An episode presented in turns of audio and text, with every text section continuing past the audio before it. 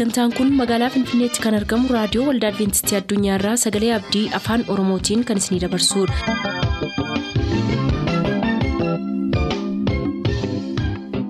Harka fuuni akkam jirtu kabajamtoota dhaggeeffattoota Sagalee Abdii nagaan waaqayyo abbaa bakka jirtan hundumaatti hunduma keessaniif haa ta'u jechaa sagantaa harraaf qabannee isiniif dhiyaanne mata duree ifa dhugaa jedhudhaa qabannee dhiyaanne irraatii ittiin eebbifama.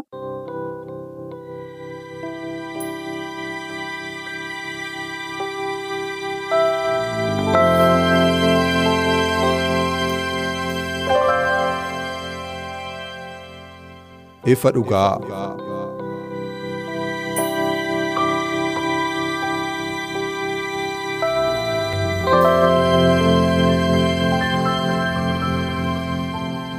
Ifa dhugaa.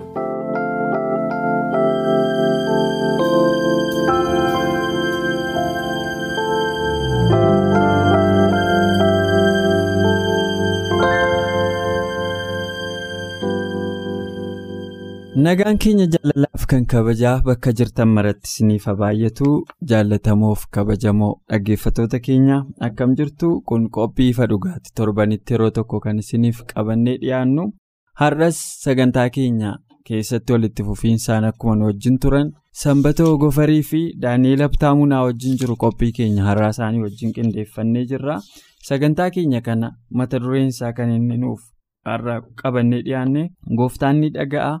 Ni oolchas kan jedhu sagalee abdii ajaa'ibaatu as keessa jira gara sagantaa kana isiniif qooduutti utuu hin darbin sanbata wajjin kadhannee gara sagantaa keenyaatti isin dabarsina isinis ayyaana waaqayyoo keessa ta'a gara sagantaa keenyaatti kadhannaadhaan nuuf ce'a.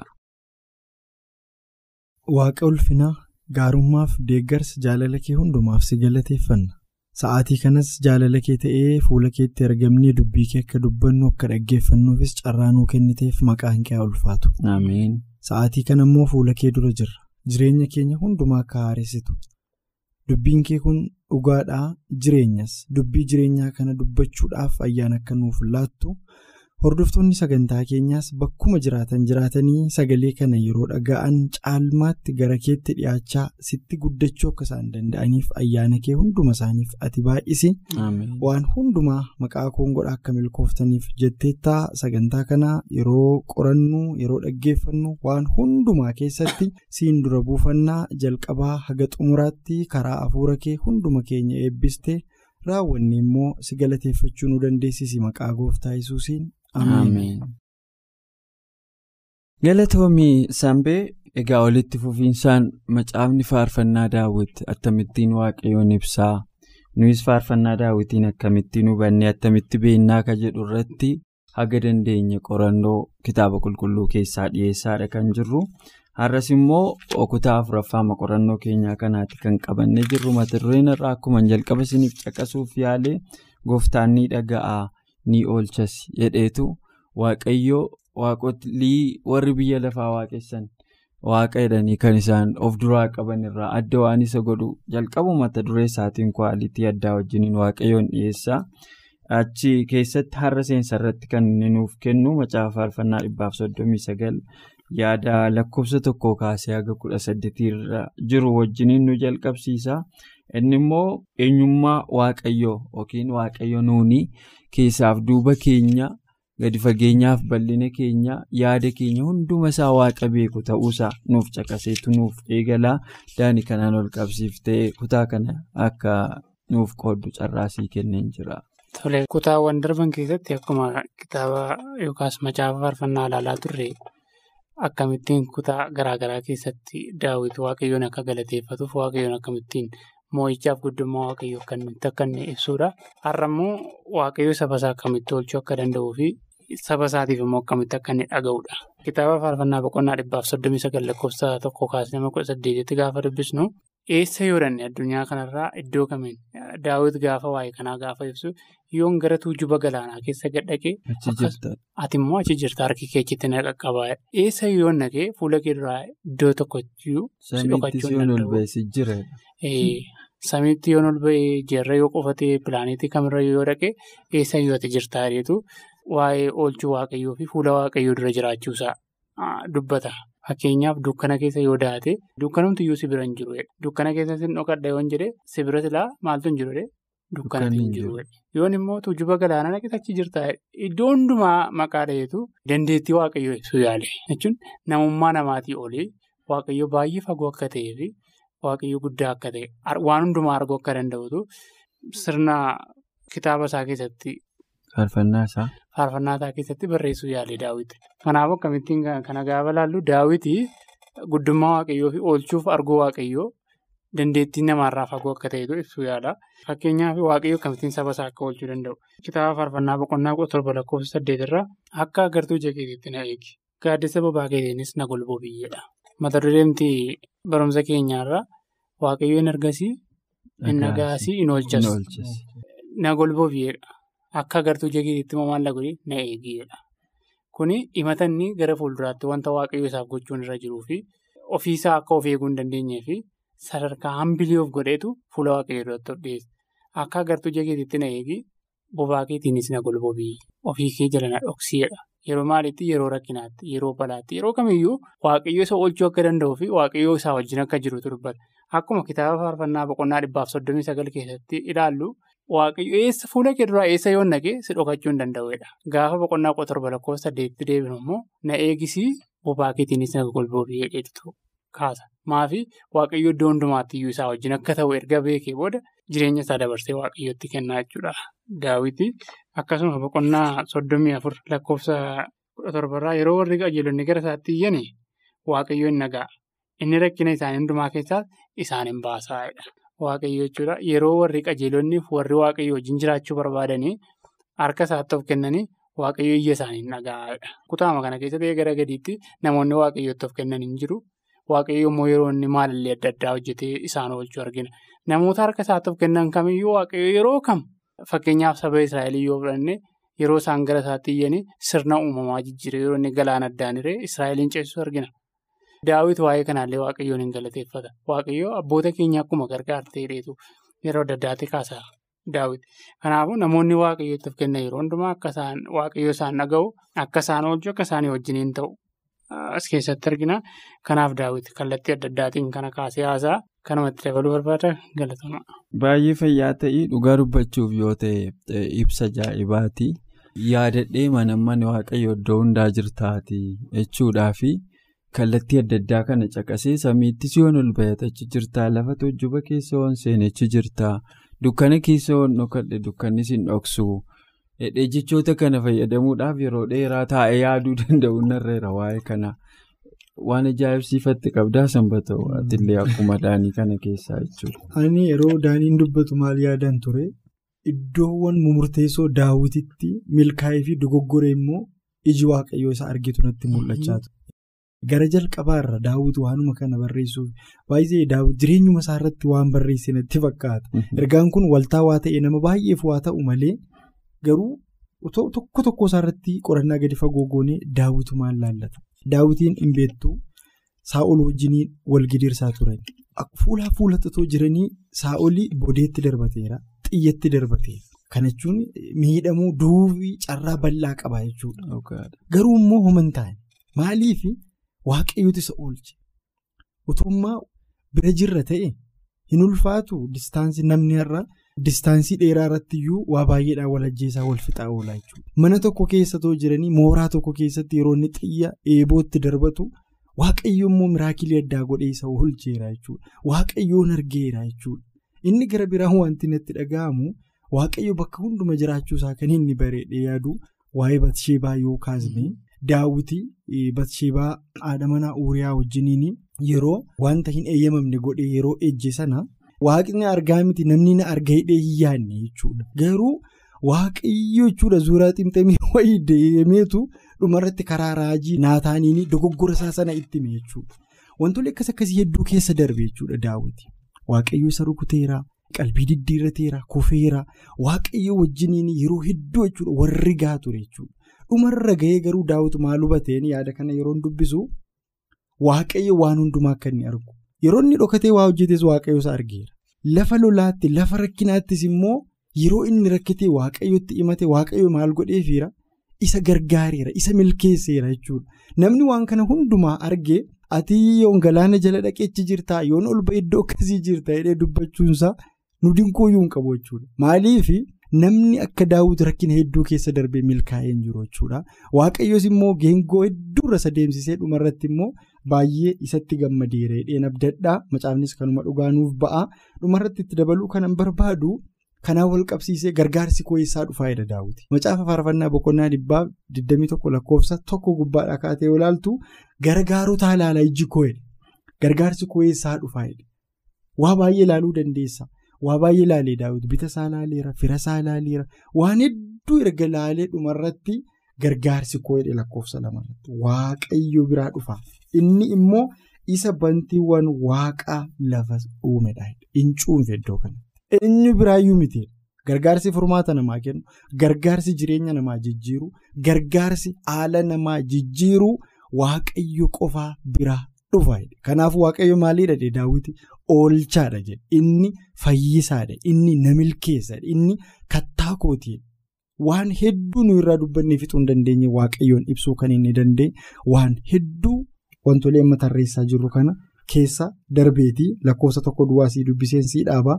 Maal jedhaa inni miilli kee akkasii gigaatu hin godhu jedha. Waaqayyo si eegnaan si utumnaan miilli kee illee in si gigaatu inni si eegus maaliin ta'u jedhe? Hin mugu. Erga jedhee lakkoofsa afur irratti kunoo inni israa'eliin eegu matumaa hin mugu hin rafusedha amanannaa amma miiteettanii yaaddu kan guutummaa guutuutti akka amma daannoon jedhe kanatti eenyutti dabarsee of kenne waaqayyotti of kenne yoo rafes yoo maal ta'es ani maaliin ta'u eenyutu na eegade. Inni na eegu hin rafu hin mugu.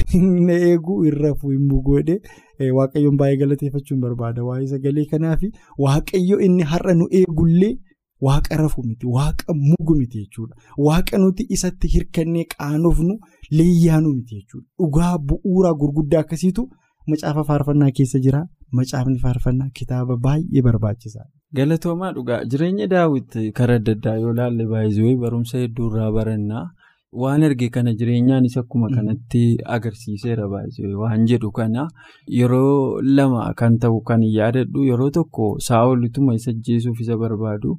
Waraana meeqa warra ciccimoo jaboodhaan fudhateetuma naanna'uu naanna'ee daawwitiin utuu barbaadu saa'ol fa'aa loltoonni ciccimoon abneer fa'aa kun ajajoonni waraanaa mootii of gidduu godhaniitu dhaqanii rafan.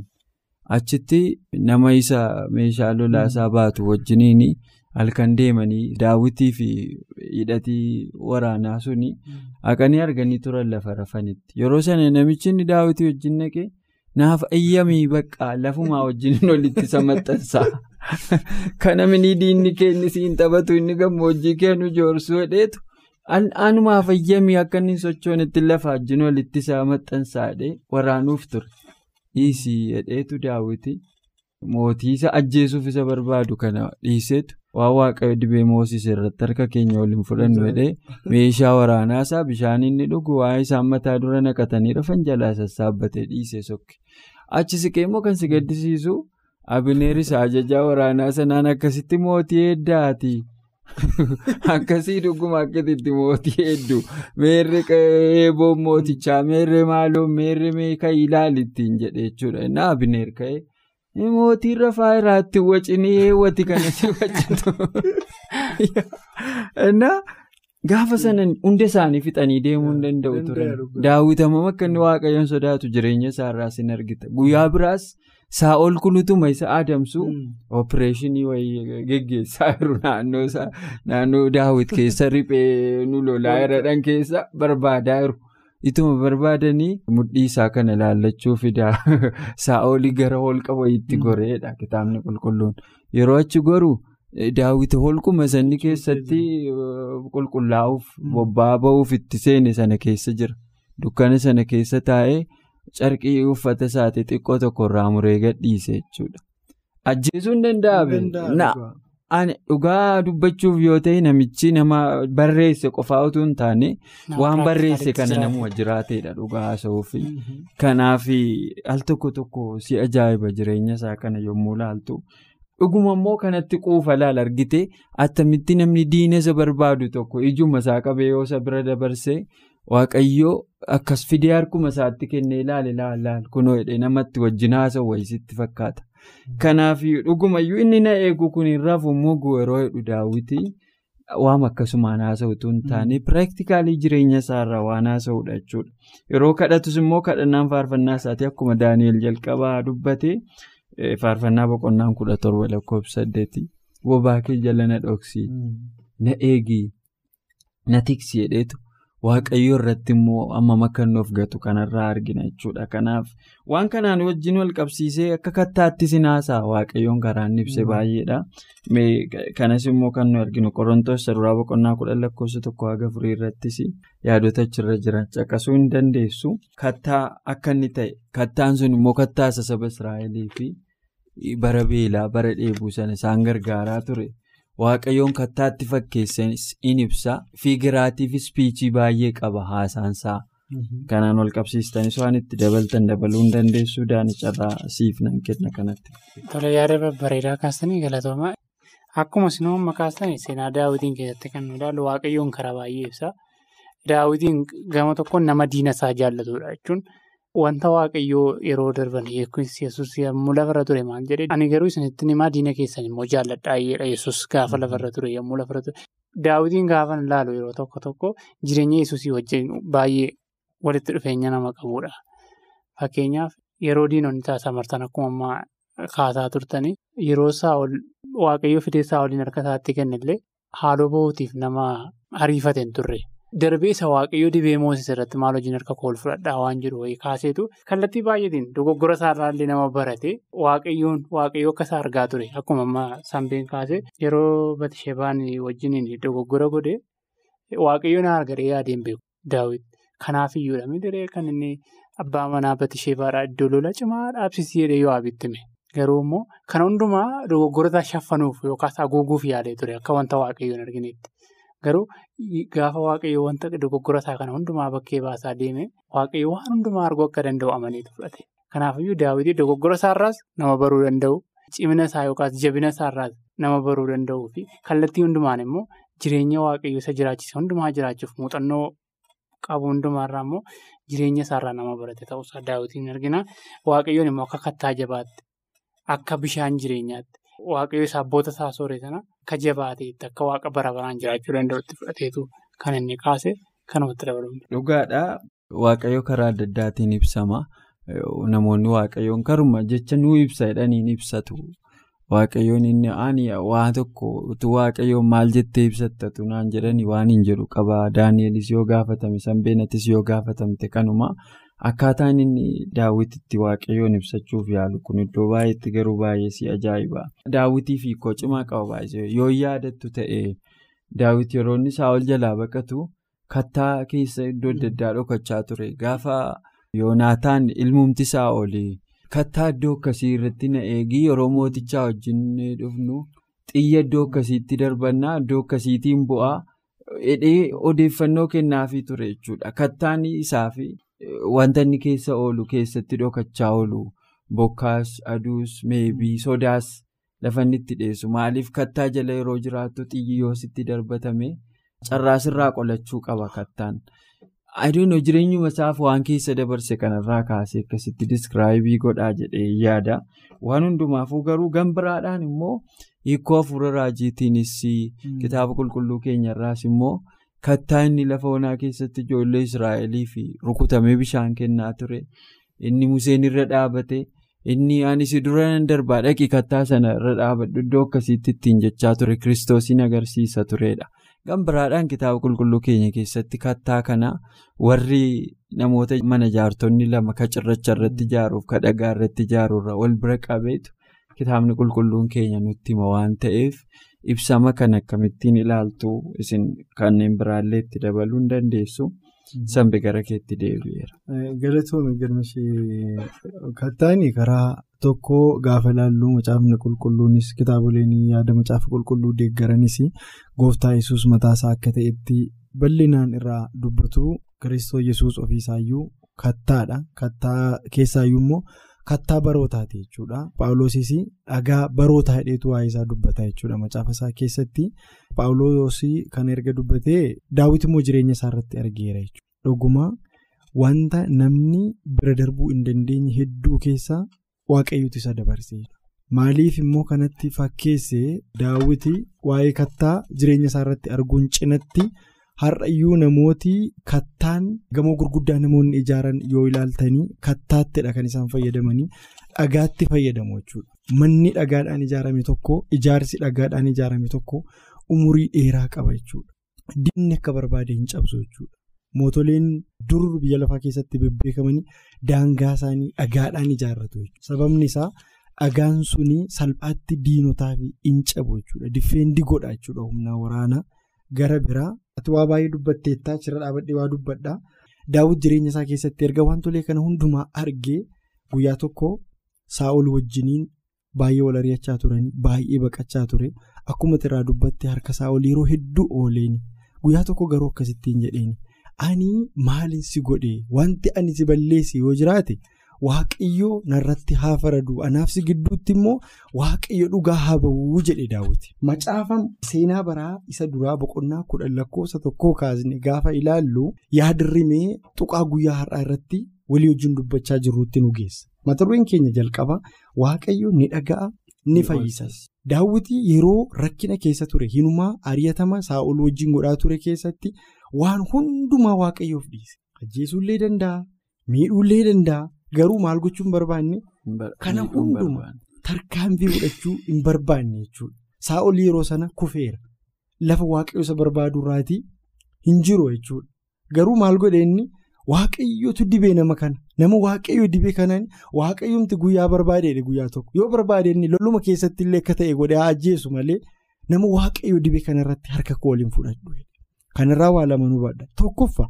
Namni kun hagam akka inni qajeelummaa qabu garraamummaa akkamii akka inni qabu nutti argisiisa. Obsa inni namaaf qabullee nutti argisiisa. Inni guddaan immoo amantii inni waaqayyo irratti qabu jechuudha. Dhugaa dubbachuuf amantiin daawwiti amantii bilchaata amantii jabaa. Lafa duwwaarra dhaabbatanii amantii waaqayyoon waaqessu. Qormaata keessa dhaabbatanii fittee du'aarra dhaabbatanii amantii waaqayyo wajjiniin turanii jiraachuu. Tuqaan amma dubbiseerraa maal jedhaa. Saa'ol dhumarratti jechuudha. Daawwit waa'ee Saa'ol hundumaa gudunfee gaafanni waaqayyotti kennee dhiisu Saa'oltu du'eedha. Saa'ol akkaataa inni itti du'e waan nama ajaa'ibudha. Silaa utuu daawwittu Saa'oliin ajjeese ta'ee seenaa naga kanaa galmaafii jedhee hin yaadu. Saa'ol garuu dogoggora kana hundumaarraa deebi'uu didee dhumarratti billaa ofiisaatiin of ajjeesedha. Hin gane dhugaa hin sababii ta'eef. Daawwit immoo guyyaa tokko maal jedhee kadhate. Anaaf si gidduutti waaqayyo maalaa godhe haa faradu akkuma daawwit waaqayyoon amanee waaqayyoon kadhate yeroo tokko waaqayyo maal godhe mana isaa ol irratti daawwitii fi firdii kenne mata dureen keenya maal jedhaa waaqayyo hin dhaga'a hin oolchasedha waaqayyo kadhata isaallee dhaga'eera jireenya isaa oolcheera. Sana booddee jechuudha baroonni daawwit jiraatan baay'een isaanii keessumaa mandara kebroonitti erga galee daawwiti nagaadhaan boqonnaadhaanii. Jireenya gaarii jiraate jedha macaafni qulqulluun waa'ee isaaf kan inni barreesse nullee jireenya keenya keessatti waa hunda dhiisuun waan hundumaa immoo amantiidhaan waaqayyotti of kenninee jiraachuun galgala keenyaa fi hiree gaariidha yaada jedhu kennuu barbaadeen girbisa. Galatoom daqiiqaa tokko. Tole galatoomii gabaabamatti waa'ee kattaa sana gaafa kaasu paawulosis darbee biroota boqonnaa afur lakkoofsa kudha shanii kudha jaarratti yesus kattaa barootaa akka ta'e karaa hundumaa namadha. Jireenya namaatiif immoo yeroo hundumaa oolchaa akka ta'etu paawulos ergaa isaa keessatti warra birootaatiif gaafa barreessu kaasee haasaa kanaafiyyuu yesus isa kattaa barootaa ta'e isa yeroo hundumaa sanyii namaatiif dhimma irratti jireenya keenya ganne akka jiraannu gabaabumatti waa'ee kattaa sanaa daawwitii nuuf ibsa kanaafuu yeroo hundumaa kattaa sanaa wajjin jiraannu waaqayyo hunduma keenya eebbisu. Galatoomaa turtii keessaniif baay'een isin galateeffadha. Akkuma mata duree keenya irraa ilaalaa turre gooftaan ni dhaga'a ni oolchas jedha. Daawwitiif qofa utuu hin taane kun hunduma keenyaaf hojjeta waaqayyo nuufis ni dhaga'a ni oolchas waan ta'eef. Waaqayyo isa kattaa cimaa ta'e kanarratti of gataan jedhaanis itti dabalee jaallatamu dhaggeeffatoota keenya. Sababa yeroof qophii keenya har'aa asirratti goolamna kutaa shanaffaa qorannoo keenyaan haga walitti deebinutti ayyaanni waaqaa isiniif baay'atu nagaan nuuf tura. qophii keenya har'aatiin akka eebbifamtaan abdachaa yeroo xumurru beellamni keessan nu waliin haa ta'u.